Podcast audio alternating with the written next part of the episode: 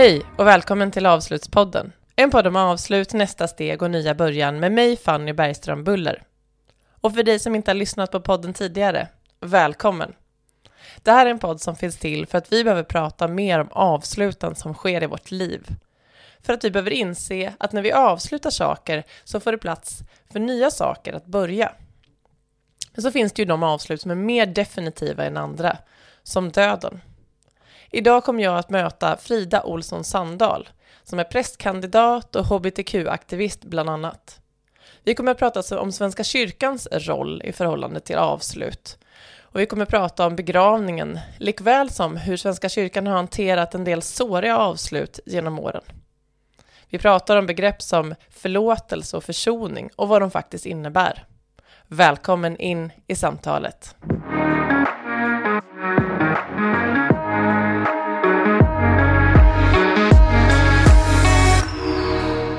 Hej Frida Olsson Sandahl och Hej. välkommen till Avslutspodden. Hej! Tack. Frida, du är av alla, alla saker man kan vara så är du bland annat eh, sociolog, föreläsare, författare. Du är just nu också teologistuderande och prästkandidat och hbtq-aktivist. Eh, det är väldigt många, du har väldigt många strängar på din eh, lyra. Och jag tänker att jag ska direkt bolla över till dig, så du ska få berätta lite mer om vem du är. Jo, men eh, jag tänker att jag är en person som älskar avslut, så jag är så himla glad för den här eh, podden. Men eh, då blir det också så att när man avslutar grejer så börjar man ju nya grejer. Så det är inte så konstigt, tänker jag, att, att det är många grenar i mitt liv. Och det tycker ju en del är ganska jobbigt, för man vet inte riktigt vad man har mig eller sådär. Men, ehm, eh, men det är helt sant att jag, eh, att jag är beteendevetare och att jag har jobbat mycket med frågor som handlar om bemötande och inkludering i organisationer och så. Mycket med ledarskap. Och eh, sen eh, hösten 2016, då kan man säga att mitt liv vände lite, för det var då jag förstod att jag skulle börja den här resan med att läsa teologi och med viljan då att bli präst i Svenska kyrkan. Bara av ren nyfikenhet, jag tänker, eh, det är ju så otroligt många saker som, som, som du har gjort och så säger du 2016. Hur gammal är du nu Frida? Nej, men jag är 40, så jag är en av dem som, som kan man säga inte har haft sin eh, 40-årsfest i år då. Den blev inställd. Ja, det kommer som bittert minne. Ja. Du körde ingen sån Zoom-fest? Nej, nej, fy. nej, tyvärr. Nej. Ja men okej, och sen så bor du i Jönköping Ja, det stämmer. mm, med din familj. Ja. Mm. Så, så en vanlig dag i Fridas liv just nu, hur ser den ut? ja, men just nu så um, skriver jag på min magisteruppsats i teologi. Ehm, jag ehm, läser en kurs faktiskt om genus och teologi just nu. Och eh, jag jobbar lite i en församling så att jag har en del söndagar, predikningar och leder gudstjänster och så. Jag har precis startat ett bokförlag, så det håller jag på med ganska mycket. Mm. Okej, vad spännande. Mm. Bokförlag också. Ja, jag har en eh, kompanjon som vi tycker båda två att man behöver prata mer om normer och sexualitet och feminism inom Svenska kyrkan. Så vi har ett normkritiskt och feministiskt bokförlag på kristen grund. Mm. Vad spännande. Och jag tänkte att eh, det som ehm, du rör dig väldigt mycket i just nu handlar ju om det här med liksom teologi, eh, ditt, dina teologistudier och eh, prästerskapet och kyrkans roll på olika sätt. Och eh, det är ju oundvikligt i Sverige som är liksom bygger, har en kultur som bygger mycket kring den kristna tron. Många av våra stora ritualer kommer ju från kyrkan på olika sätt. När man tänker på avslut så är väl eh, ändå döden kanske det mest definitiva avslutet vi har i vårt liv och kanske det som är mest skrämmande för många. Och jag tänker att det vore intressant att, att starta samtalet där, för jag tänker att som, som prästkandidat och som den som ägnar dagen åt att liksom studera detta med livet och döden, tänker jag att det handlar mycket om. Hur, hur, hur tänker du kring döden? Jag tänker att grunden för kristendomen är ju att först att Jesus föddes, alltså att Gud blev människa, men sen också att den människan ju dog. Men att det inte tog slut sen, utan att efter döden kom uppståndelsen. Hade inte den uppståndelsen kommit så hade ju kanske Jesus liv bara försvunnit ut som en misslyckad profet, så att säga. Så jag tänker att kristen tro har väldigt mycket att göra med döden. Eh, också den här tanken om att ibland måste saker dö för att något nytt ska kunna växa. Dörrar måste stängas för att, något, för att nya dörrar ska kunna öppnas. Så jag tänker, för det, utifrån ditt perspektiv liksom, så, så blir ju döden, om man ser det på det sättet, ett, uh, inget, det blir ju ett avslut och som du säger, början på något nytt. Um, jag tänker, Sverige är ju idag ett sekulariserat land och många kanske inte har det perspektivet på döden, utan man tänker på döden som något ganska definitivt. Hur, eh, hur liksom eh, rör man sig kring den frågan? Jag tänker man måste möta många människor. Just för jag tänker just döds, döden är också kanske det tillfället där allra flest människor också kommer till kyrkan. Även om man kanske inte är troende till vardags så är det liksom den eh, ritualen, begravningen är väldigt ofta kopplad till Svenska kyrkan hur, hur liksom hanterar man den, jag tänker, finns det komplexitet i det? Mm, jo, och jag tänker att döden är ju så, av, av det som vi människor känner till så är ju döden det sista. För att när en människa är död så upplever vi ju att, alltså det är så obegripligt med döden att någon helt plötsligt inte finns längre. Det, det går inte att tänka sig på något sätt. Så det är klart att det finns sorgen är ju verklig. Alltså längtan efter den människan som har dött är ju verklig. Som kyrka tänker jag och som, som präst och som, som kristna så, så bygger ju vi vår, liksom, vår tro handlar ju ändå om att det finns hopp. Det finns liksom ljus efter mörker, det finns liv efter död. Alltså det finns det där. Och det handlar ju om att säga det, men, men samtidigt kan man inte vara så här, jo allt kommer bli bra. Alltså det är ju inte, det är ju jättesvåra frågor fortfarande. Det är otroligt komplext och det är klart att det är många dagar som, man, som jag känner så här, nej men, alltså finns, liksom, blir det verkligen bra till slut? Kommer verkligen ljuset och sådär?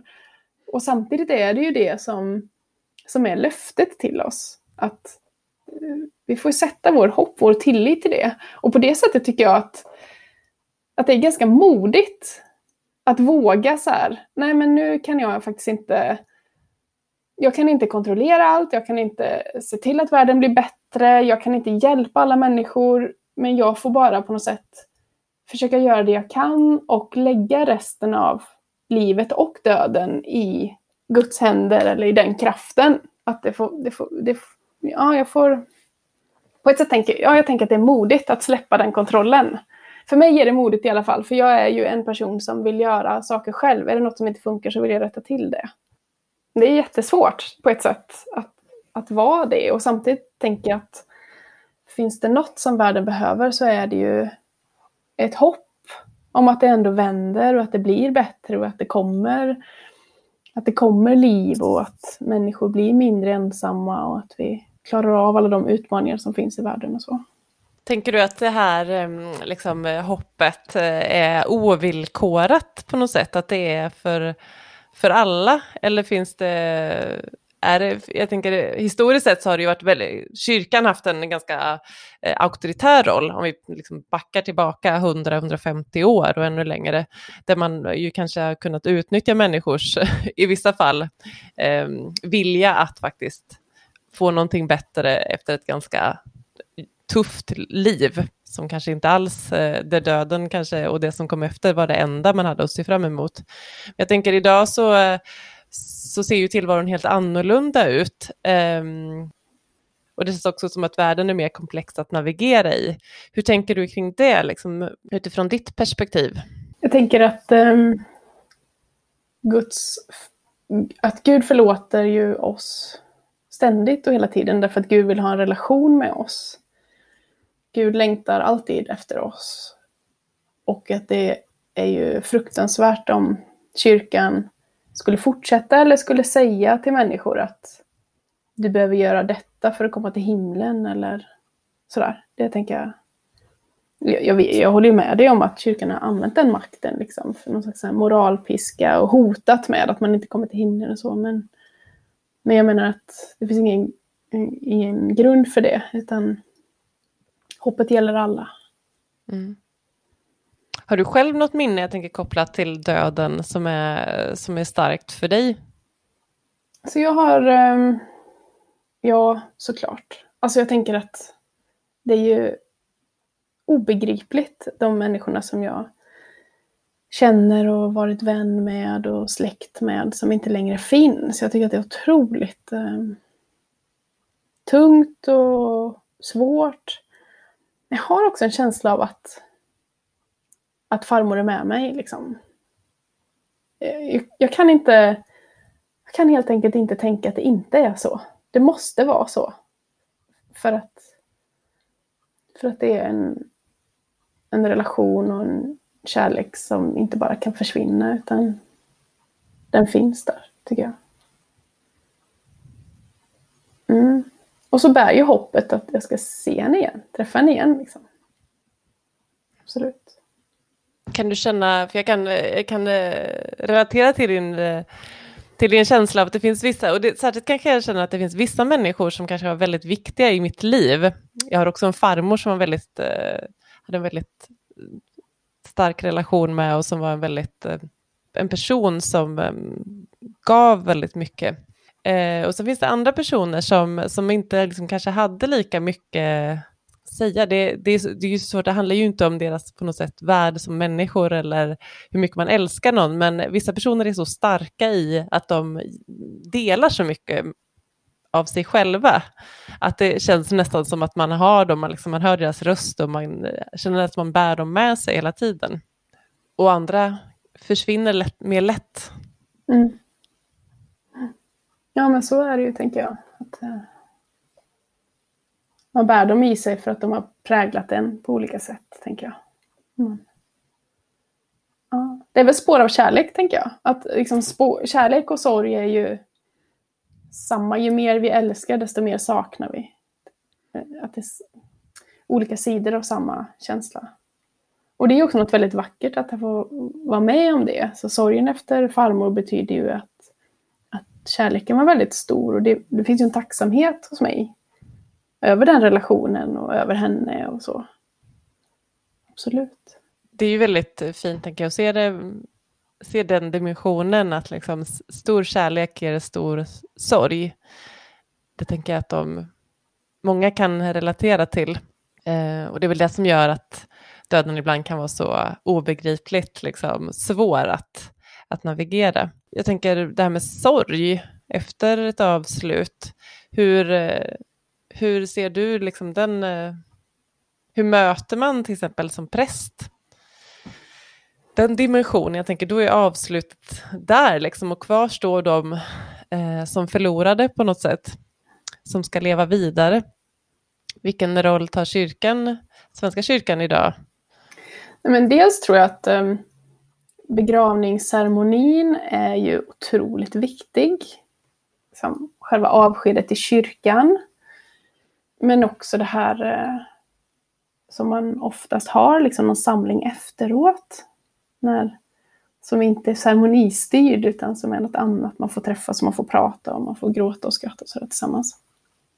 Och jag tänker att kyrkan spelar ju eh, otroligt stor roll i att människor får ett avslut. Jag tror att det är viktigt att göra det tillsammans. Jag kan ju uppleva personer som jag vet har dött men som jag av olika anledningar inte kunnat gå på begravningen. Att det nästan kan kännas sådär som att har det verkligen hänt? Är den här personen verkligen borta? Att det blir viktigt att träffa andra för att tillsammans förstå att nu, nu, nu har, nu har livet, livet ändrats. Nu har våra relationer ändrats för att den här personen finns inte längre.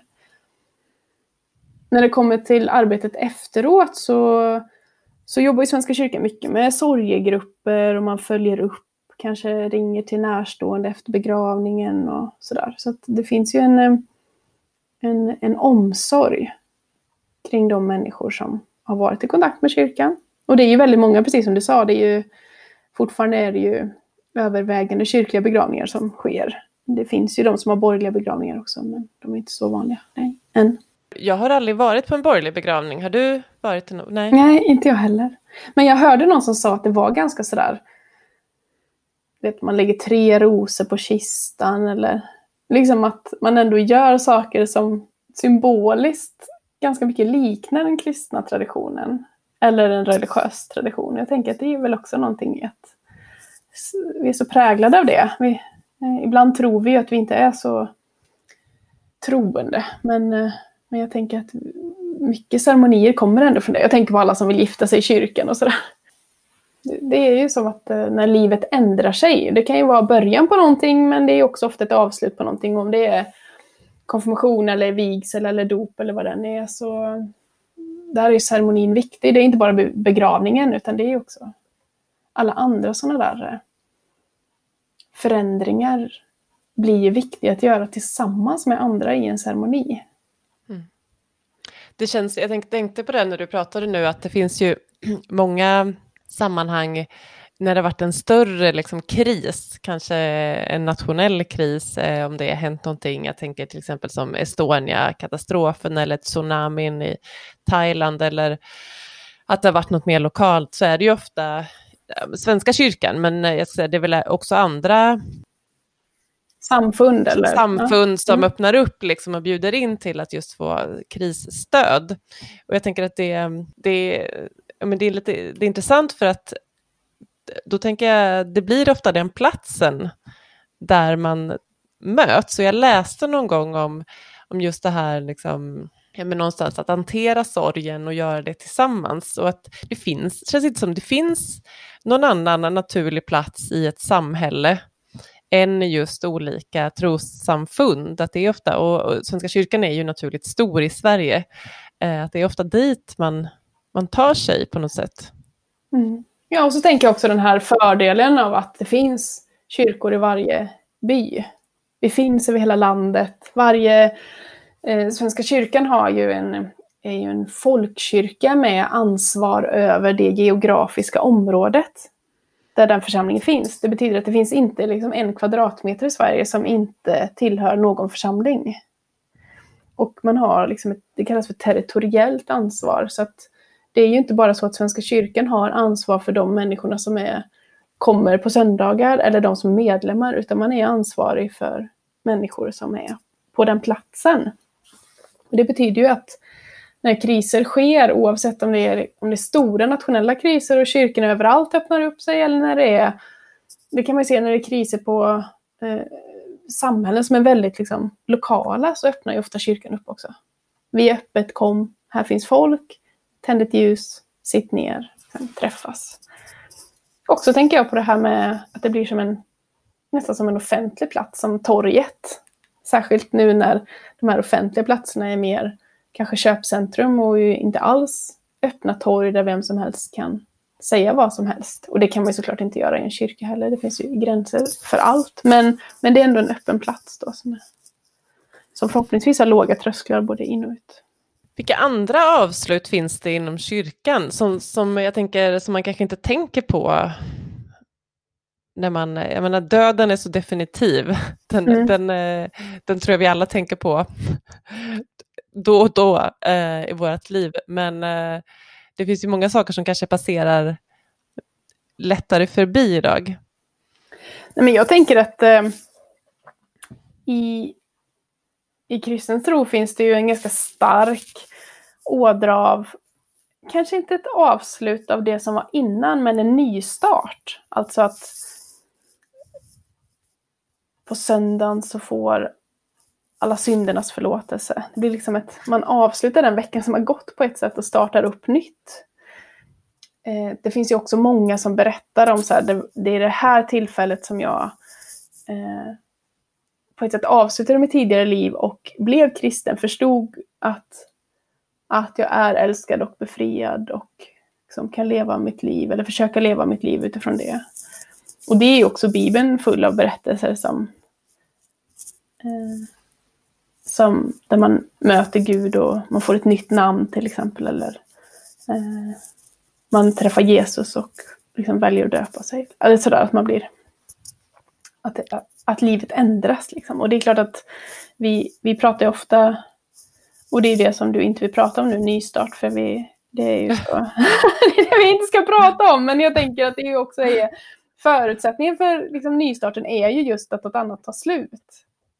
Så att, så att jag upplever att det finns väldigt mycket berättelser om avslut i kristen tro. Det är ju intressant det här du säger med veckan. Jag tänker mm. att det på något sätt är, är ju någonting som man eh, till mans kanske ska ta med sig. Jag tänker så här, någonstans så är det lätt att tänka, livet kan ju under vissa tider vara väldigt mycket som en lång smetig väg som man går på liksom och det, det är lite sådär måndag, fredag, helg och, och det är svårt att kanske hitta de där tydliga avsluten. Det kanske blir mer så här, nu ska vi vara jullediga eller nu är det semester. Men eh, jag tänker att det är ett fint sätt att se det lite mer cykliskt också. Mm. Att söndagen, liksom, oavsett om man är troende eller inte, så att så söndagen kan vara liksom någon sorts punkt. Och måndagen är en möjlighet. Det är ju, det är ju många som eh, försöker uppmärksamma måndagar som en, eh, som en nystart, men, men det är kanske inte lika många som uppmärksammar söndagen Nej. som ett avslut. Alltså nu kan inte jag exakt när detta ändrade sig, men det är ju inte så länge sedan är min bild av att kalendrarna ju ändå började på söndagen. För i kristen eh, tradition så börjar ju veckan på söndagen. Och håller på fram till lördagen klockan 18, det är då helgsmålsringningen är. För då börjar söndagen, för vi, har ju, vi är ju liksom ett aftonsland. Så att dagen efter börjar ju egentligen på aftonen. Det är därför vi firar julafton till exempel, påskafton. Det är ju egentligen för att dag, det händer dagen efter, men det börjar redan på kvällen. Eh, och det tänker jag är ganska, det är ganska härligt. Jag, jag, jag finner själv liksom väldigt stor eh, eh, glädje av det, av att veckan tar slut, det börjar något nytt. Och också kyrkoåret där ju varje söndag har ett eget tema på något sätt. Det blir, det blir ju ett sätt att tolka livet utifrån olika, olika ämnen. Ja, jag tycker jag, jag gillar det väldigt mycket. Och sen tänker jag att, jag menar att alla äter tacos på fredagar eller att man har lillördag. Eller vi har ju liksom, vi kan ju tro att vi är så härla, härliga och fria och så, men vi, är ju, vi, vi vill ju gärna så här hylla måndagen eller dricka en öl på onsdagen eller äta tacos på fredagen eller träna på lördagen. Alltså vi håller ju på så där hela tiden tror jag, för att få struktur och hitta mening och hitta ordning. Någon sorts ritualer liksom i vårt liv. När du pratade nu så tänkte jag på det här med att det du beskriver låter väldigt cykliskt på något sätt. Att um, på något sätt allting, det avslutas och det börjar om. Och ändå så har jag som eh, nu liksom tittar eh, på den kristna tron, för jag är inte själv troende, men jag tittar liksom in så, så, tänk, så ser jag kanske den kristna tron som mer linjär. Eh, och, det, och jag vet inte vad det beror på, ska jag vara ärlig och säga. Det kanske handlar om att begravningen har en ganska liksom Eh, framträdande roll. Ehm, eller så är det här helt enkelt någonting som jag har missförstått.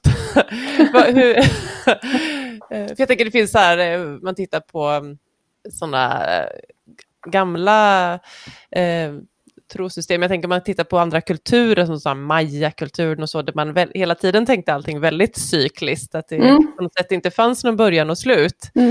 Eh, men jag gissar att de också hade eh, ceremonier som handlade om avslut och början. Kan du, jag tänker, är den kristna tron linjär eller cyklisk? ja, jag känner mig väldigt splittrad i det, för att som, som en del av den teologin som jag har läst så har jag också läst om hinduism och buddhism. Och upplevde ju då att min hjärna var så otroligt fyrkantig, linjär, västerländsk. Jag kunde liksom inte fatta det här. Att det gick liksom in i varandra hela tiden och att det bara blev något annat. Och liksom, det fanns, jag, tyck, jag tyckte att det inte fanns någon ordning. Det är ju inte sant, liksom. men det var min upplevelse. Och jag kände mig väldigt linjär. Men men jag måste säga att jag har nog ändrat min bild av kristendomen lite. Liksom, att, den, att den är mycket mer cyklisk. För att en teolog som heter Kerstin Wimmer, hon, hon pratar om Jesus-algoritmen, liksom, att det finns ett mönster så här med Jesus som ju är liv, död, återuppståndelse, liv, död, återuppståndelse. Att, att vi lever i det hela tiden, vi som människor lämnar saker, går in i något nytt. Vi läm- liksom både sådär i, i veckan, i relationer, varje dag, men också då livet, döden och sen liksom uppståndelsen, himmelriket, Gudsriket, vad vi vill kalla det för. Så att jag har nog ändrat mig lite där. Men jag tänker att den här linjära tanken måste ju ändå komma någonstans ifrån. Och om den är sådär, om det är upplysningsideal, om det är liksom vetenskaplig liksom metod, att det är det som spiller över eller jag, jag, kan inte, jag kan inte liksom reda i det riktigt. Men, men jag skulle nog säga att det, att, ehm, att det är mer cykliskt än jag upplevde för några år sedan och det är mer cykliskt än jag trodde. Om jag säger det.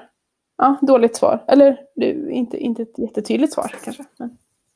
Jag tänker vårt, vårt, vårt samtida perspektiv kanske ger nya liksom, dimensioner av saker på saker. Mm. Ja, det är väl eh, knappast Ah, nu, nu, nu talar jag mig verkligen om saker som jag inte har någon aning om, men jag menar det är knappast någon på 1700-talet som kanske skulle uttala sig om så kyrkan var cyklisk eller inte. Det var liksom där det var. Så jag tänker att det också, eh, i viss mån så är vi ju bra på att te teoretisera och problematisera saker, men det är också spännande. Mm. Och jag tänker att ju mer man försöker sådär boxa in det, göra det linjärt, få ordning på det, desto desto svårare blir det ju, tänker jag, att få plats med sig själv och få plats med livet så som det ser ut. Och, och då menar jag återigen då att det är ganska, ganska modigt att lägga sin, sin tillit till att så här, lite det är vad det är och det går, allt går inte att förklara. Och jag får, får lägga min, mitt hopp i att någon, att någon har liksom omtanken om den större bilden. Ja, men det är ju läskigt. För en doer som jag så är det ju jättejobbigt ibland. Jag tänker din, utifrån din andra hatt eh, som du har som jobbar med hbtq-frågor och inkludering jätte, jättemycket. Mm. Eh, du har ju varit med och grundat Jönköping Pride, visst är det så? Ja. Eh, och skrivit böcker om det här och föreläser jättemycket. Eh, och jag tänker att övergången är ju spännande. Jag tänker att det finns väldigt många avslut som har gjorts i den svenska kyrkan baserat just på Eh, en eh, upplevelse att inte få, vara, få plats liksom, som hbtq-person att, eh, att lämna och avsluta.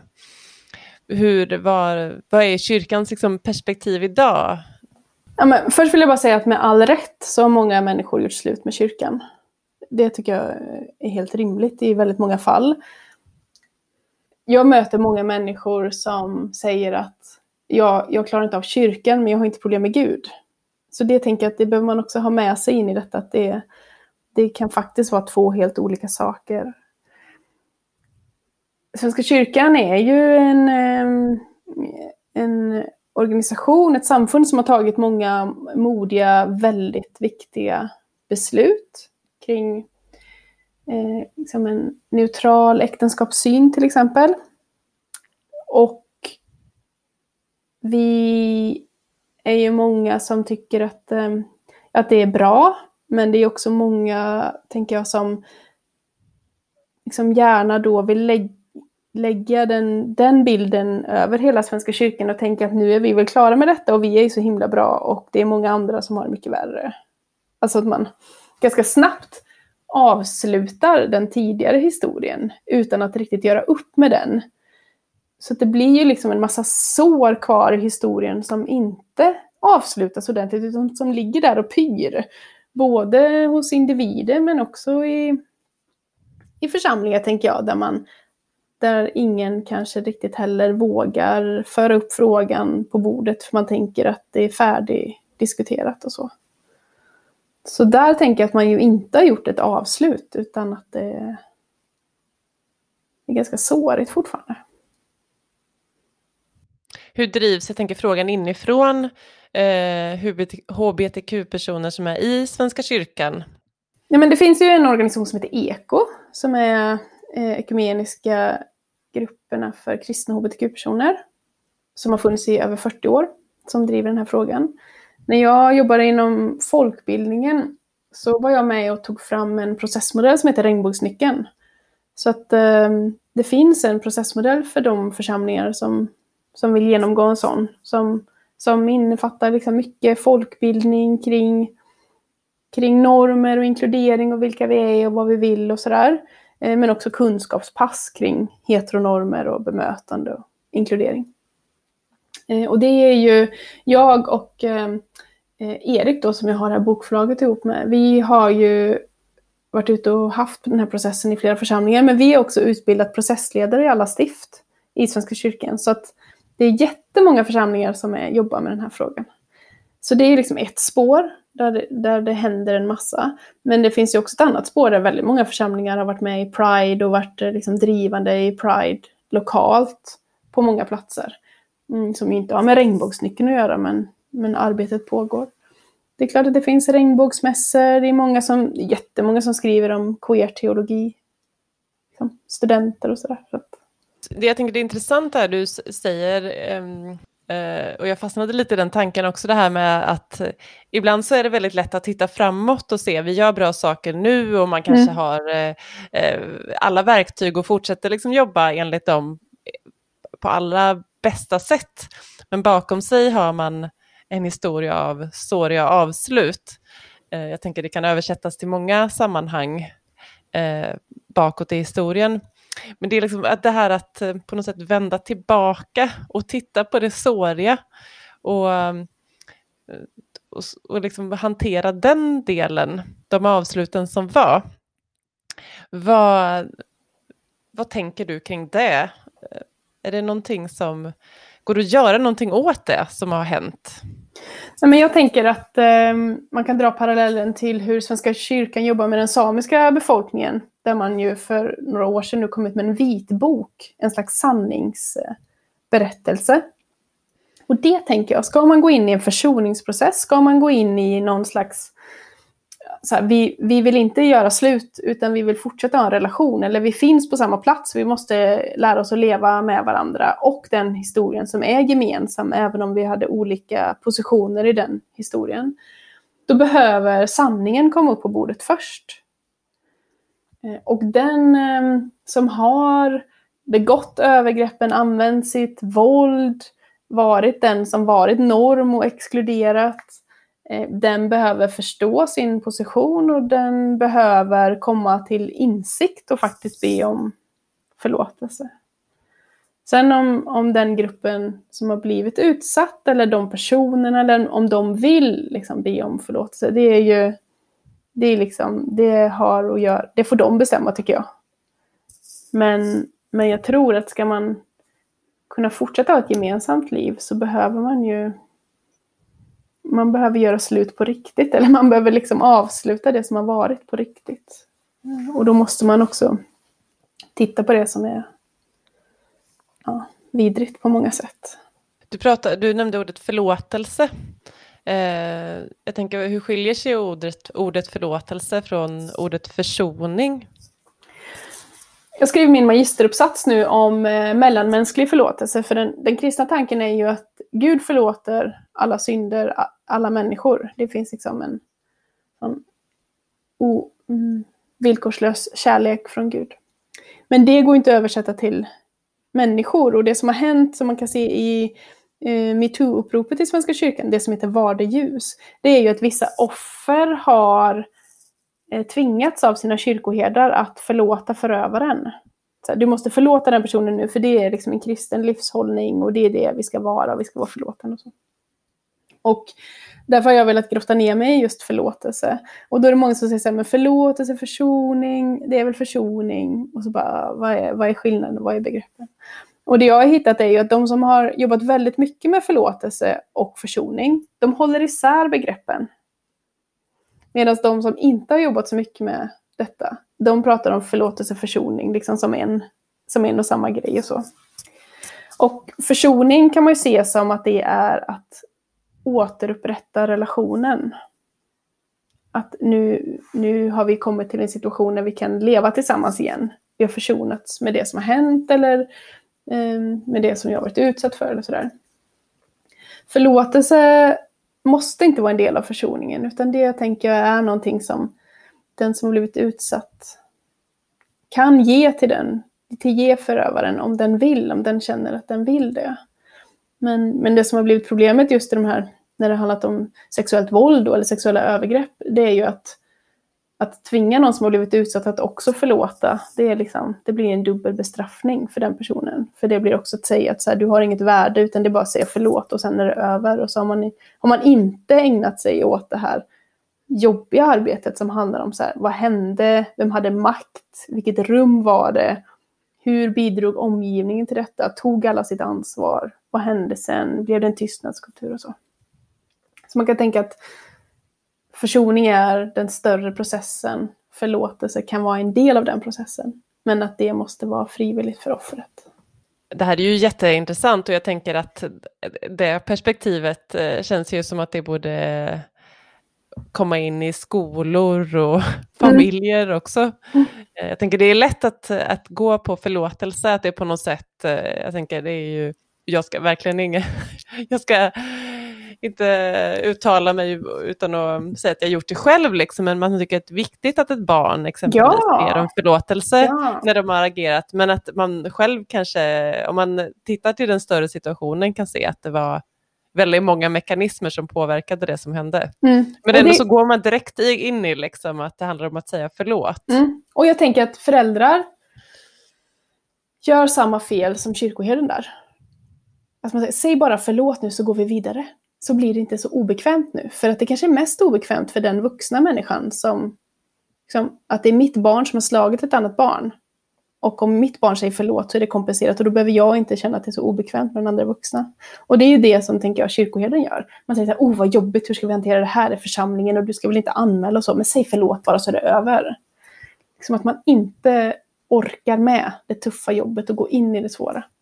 Och faktiskt var ju, jag vet att Jonas Gardell skrev någonting där i samband med metoo, att kyrkans språk kring synd, offer, försoning, förlåtelse behövs i samhällsdebatten. Därför att hur länge är en misstänkt förövare alltid skyldig?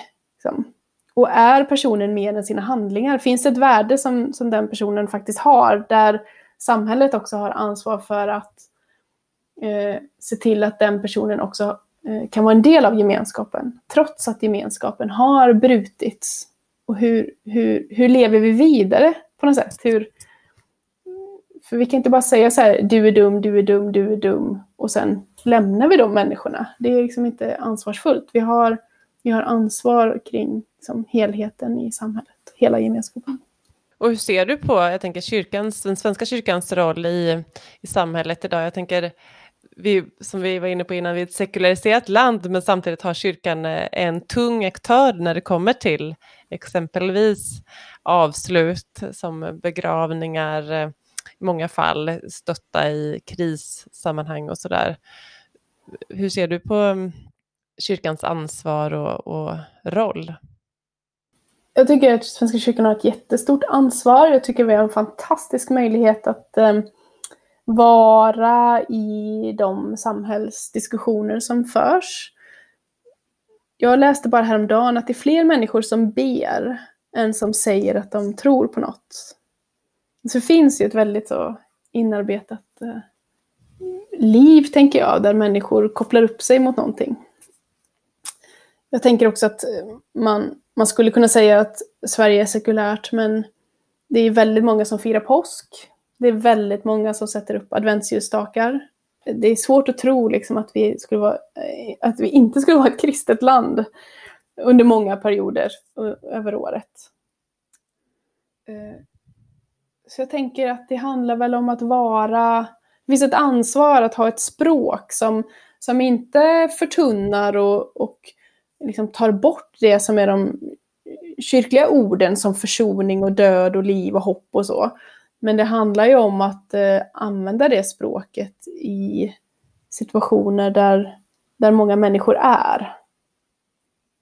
För att eh, den, den kristna tron om att säga så här, eh, du är älskad, du är befriad, du måste inte prestera för att ha ett värde, det finns ett kyrkorum här, du är välkommen som du är. Den tänker jag behövs, för det finns ingen annan som sänder ut det. Alla är ju mer så här, ska du inte vara lite smalare och lite brunare och lite snyggare och lite mer lyckad, då ska du inte göra mer, och ska du inte vara mer jämställd, och ska du inte ha fler barn, och ska du inte bo lite snyggare, och ska du Alltså, alla är ju så här, lite mer, lite mer, lite mer, lite mer, lite mer. För att det är också ju det som är så här, konsumtionssamhället. Vi måste ju vilja ha mer, annars så handlar vi inte. Och Svenska kyrkan, det är liksom Svenska kyrkans USP att ja, men du får komma precis som du är. Du behöver inte göra någonting mer. Du har ett värde och du är älskad precis som du är. Och det behöver ju någon säga i det här samhället. Tack Frida, det här samtalet börjar närma sig sitt slut. Jag skulle också vilja fråga dig vad du har planerat för avslut under året som kommer. Men jag tänker ju avsluta att vara student ehm, och eh, tänker påbörja mitt ehm, prästeri. Det ser vi fram emot att följa och om man just vill följa dig eller komma i kontakt med dig, hur gör man då? Men jag finns ehm, i olika sociala medier. Frida Olsson Sandahl kan man bara söka på så hittar man mig där. Just det, och så finns det också en hemsida ja. där man kan läsa lite om dina böcker och så. Eh, om man exempelvis är intresserad av att börja jobba med frågor kring inkludering. Tack så jättemycket Frida, det var jättefint att få samtala med dig. Tack själv. Fint att du hängde med hela vägen hit. Nu tycker jag du ska följa Avslutspodden i din poddspelare och på Instagram och Facebook också såklart. Och med detta vill jag tacka alla som har hjälpt till med produktionen av Avslutspodden. Vi hörs igen om två veckor. Hej då!